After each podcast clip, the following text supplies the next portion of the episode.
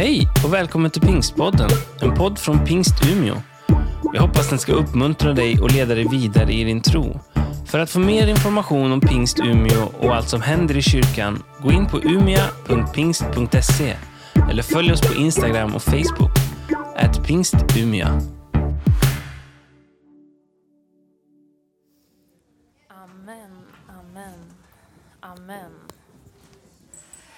Amen. Ingenting ska fattas mig. Otroligt starka ord. Ja, hörni, nu är vi här. Det hade vi inte velat eller hoppats. Men Guds vägar är outgrundliga. Och inför eh, den här söndagen så frågade man Hanna-Maria, vad skulle du vilja predika om? Och temat för mig kom väldigt snabbt. Guds trofasthet ville jag få tala om. Därför att jag tror att det är ett budskap som vi som församling behöver höra. Vi som individer behöver bli påminda om. Att Gud är trofast. Vi hörde barnen sjunga, han är densamme igår och idag och imorgon. Gud var trofast då, han är trofast idag, han är trofast imorgon. Första Korintierbrevet kapitel 1, vers 9 säger Gud är trofast, han som har kallat er till gemenskap med sin son Jesus Kristus, vår Herre. Och då blir ju min direkta tanke, okej, okay, men vad är han trofast? Är han, är han trofast till en sak eller till en specifik individ? Eller vad in, inryms allt i den här trofastheten?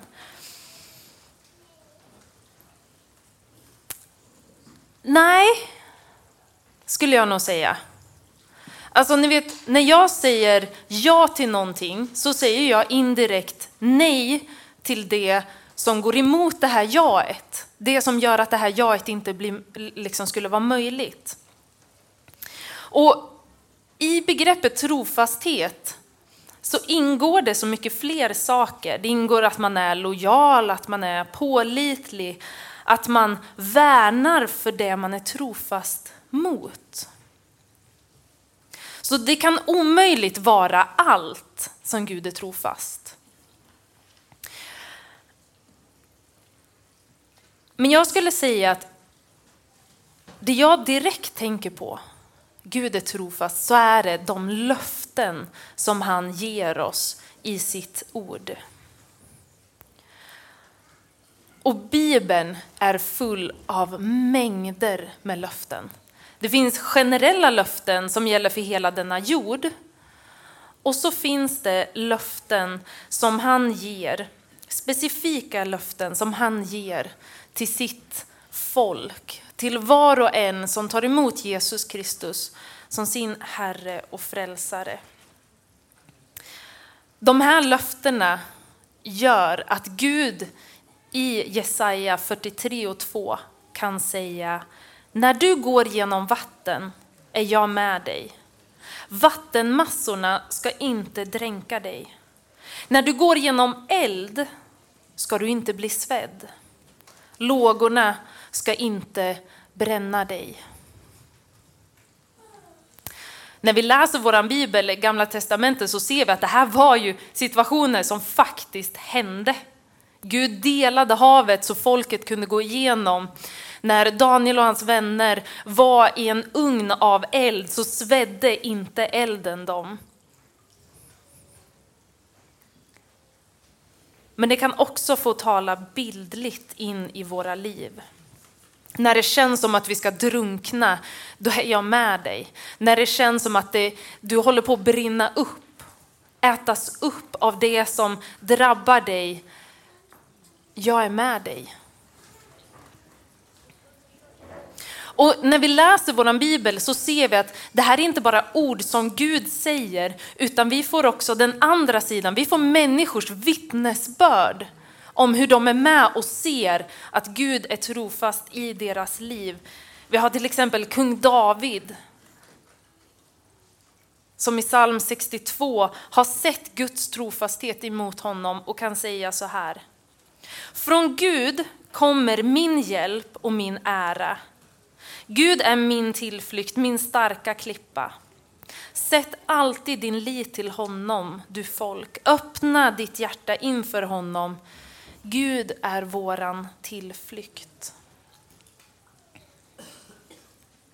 Och de här, de här vittnesbörden, de bara staplas på varandra. Ju längre vi läser, går från gamla testamentet in i nya testamentet, ser vi ännu mer av Guds trofasthet till sina löften när han ger oss Jesus Kristus. Sin enfödde son som dör och uppstår för våran skull. Och han ger oss ännu fler löften.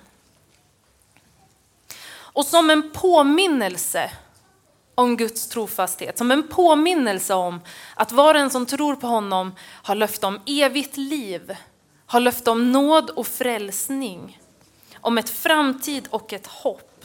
Så som en påminnelse om detta ger han oss den helige Ande. På pingstdagen. Den helige ande som är med varje troende människa. Som vi kan få, inte bara ha kunskap om att Bibeln säger att jag får ta emot den helige ande. Nej, vi kan få uppleva, vi kan få se hans verk i våra liv. Vi kan få se honom göra saker genom våra liv.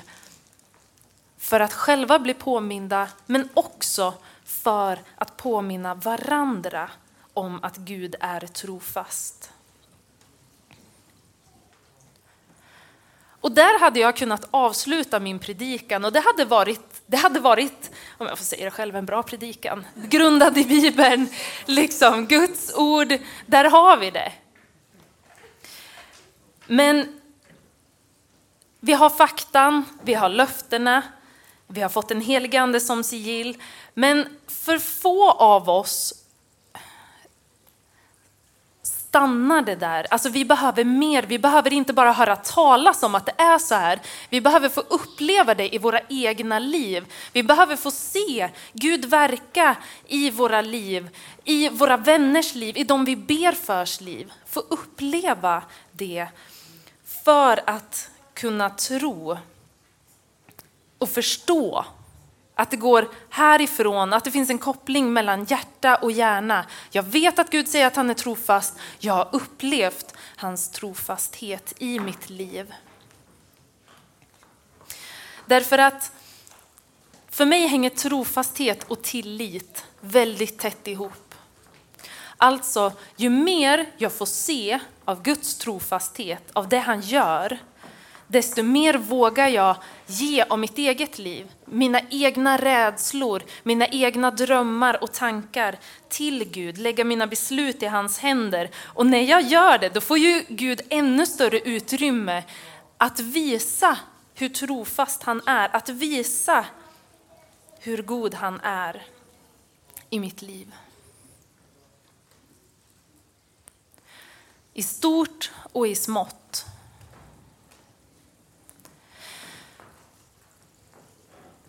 Vi behöver få se detta. Vi behöver få höra de här vittnesbörderna från varandra. Och idag har vi fått vara med och ta del av fantastiska vittnesbörd.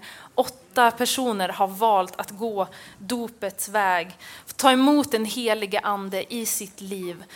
Den helige ande som påminner oss om vem Jesus Kristus är, vad han har gjort för oss, vem Gud är och hans löften. Och barn, nu ska jag vara ärlig, nu ska jag berätta. Och de vuxna får tycka vad de vill. Men min första upplevelse av den heliga ande, den kom när jag var, ja jag hade inte börjat högstadiet än. Eh, utan jag hade varit i kyrkan, jag hade hört dem berätta att den helige ande, han vill vara din närmsta vän. Han vill vara med dig och du kan be honom om hjälp, inte bara andlig hjälp utan även vardaglig hjälp. Och han vill hjälpa dig, för han vill, bli, han vill att ni ska bli tajta. Eh, Så det där fanns någonstans i mitt bakhuvud och så eh, spelade jag dator, dataspel. Och jag spelade ett spel som heter Zelda.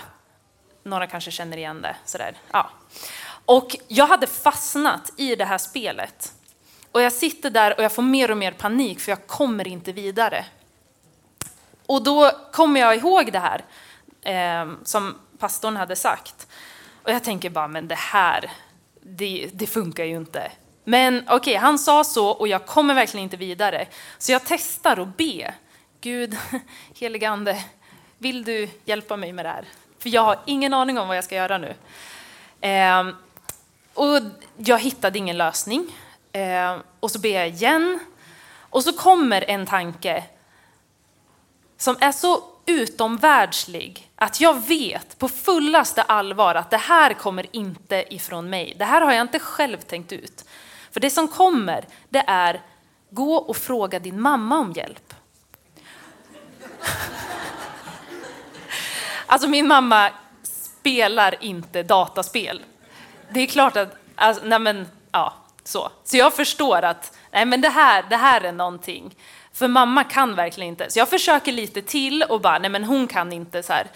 Och så bara kommer det där igen, men fråga din mamma om hjälp. Okej, okay.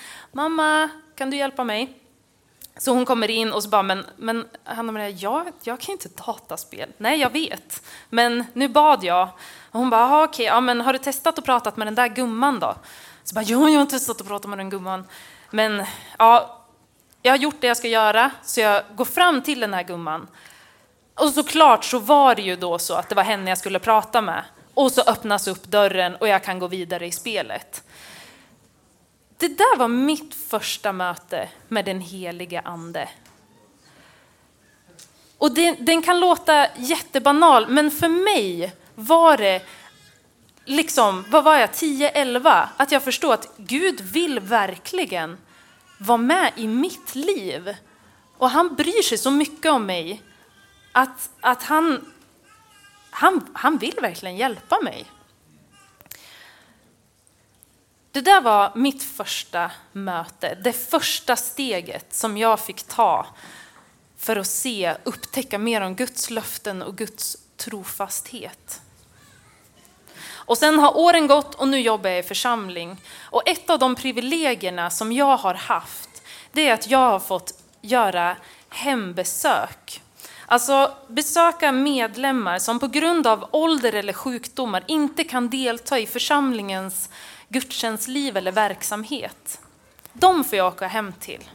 Och det är på fullaste allvar någonting av det bästa jag har fått göra. Därför att det stärker min tro så enormt mycket att få höra deras livsberättelser. Få höra dem berätta om vad Gud har gjort i deras liv. Och hur han är verksam. Och en av dessa gånger, då det händer nästan aldrig, men jag dök upp oannonserad. Vi hade inte fått tag på varandra så jag tänkte att amen, jag provar att åka dit för jag vill kolla läget. Jag hade tänkt på den här personen mycket och jag ville bara se, hur, hur är det med dig? Och så ringer jag på och kom in, öppnar dörren. Men Hanna Maria, du är här! Vet du, igår sa Gud till mig att jag skulle be för dig. Och nu är du här! Och så var det en del specifika saker som bara, det var så rätt in i mitt liv. Så hon blev en välsignelse för mig och jag fick bli en välsignelse för henne därför att hon fick uppleva hur Gud använde henne i hennes begränsningar. Där kunde han vara med och tala. Därför att Gud är trofast. Och hans trofasthet får vi se när vi är församling. När vi finns här för varandra så får vi vara med och uppmuntra varandra. Och Det finns så mycket att berätta, det finns så mycket jag vill dela för att du ska få ny, nytt hopp in i den situation och den tillvaro som du står i, där du kanske upplever att det känns mörkt eller hopplöst. Ge inte upp. Därför att Gud vill möta med dig. Hans löften gäller dig. Han säger i sitt ord att han har en god tanke för ditt liv, en framtid och ett hopp. Och ibland kan man behöva hjälp för att hålla fast vid det där, för att komma ihåg de där sakerna. När jag kom med i den här församlingen fick jag möjlighet att gå med i en hemgrupp. Och det var någonting av det bästa jag har gjort. Och I den här hemgruppen så har vi varje vecka skrivit ner våra böneämnen. Och så har vi kunnat med tiden lägga till liksom noteringar vid sidan av de där. Bönesvar. Nu händer det här. Och så kan vi gå tillbaka och läsa de här och peppa och uppmuntra varandra och se att kolla, kolla vad Gud har gjort i våra liv. Kolla, se hans trofasthet, hur han bär när livet är tungt och när livet inte alltid blir så som han har tänkt sig. Så är Gud ändå där, ändå med. Det var sant igår att Gud är trofast, att han håller sina löften. Det är sant idag att Gud är trofast och håller sina löften. Och vet du vad? Oavsett vad vi möter imorgon, nästa vecka, om ett år, in i framtiden, så är Gud trofast. Och han, han håller sina löften. Att han är med dig, att han är med dig varje dag. Att han bär dig när livet är tufft och svårt. Att han har goda tankar för ditt liv. Att det finns ett hopp, det finns en framtid för dig.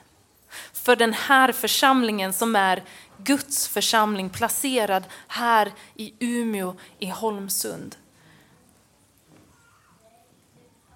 Och vi kommer ta tid idag att påminna oss om detta. Hela den här gudstjänsten har varit en påminnelse om detta. Men kanske kom du hit idag och känner dig trött och sliten och bara Gud, jag behöver dig i mitt liv. Och det, du kanske inte ens orkar be längre, men vet du vad? Håll ut. Varje suck hörs till Gud.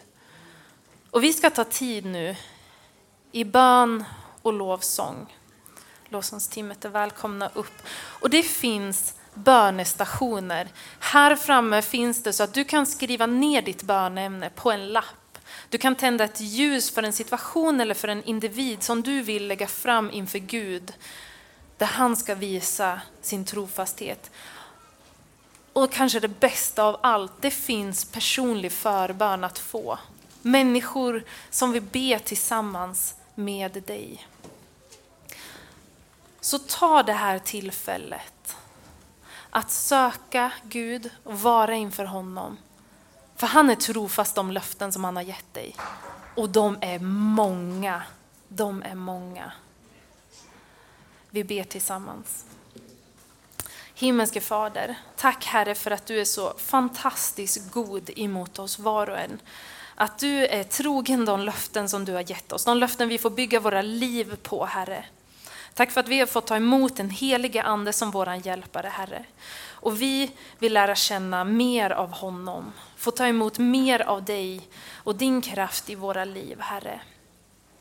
Möt med oss var och en, mitt i den situation, i den kamp, den sorg, den glädje vi står i. I Jesu underbara namn jag ber. Amen.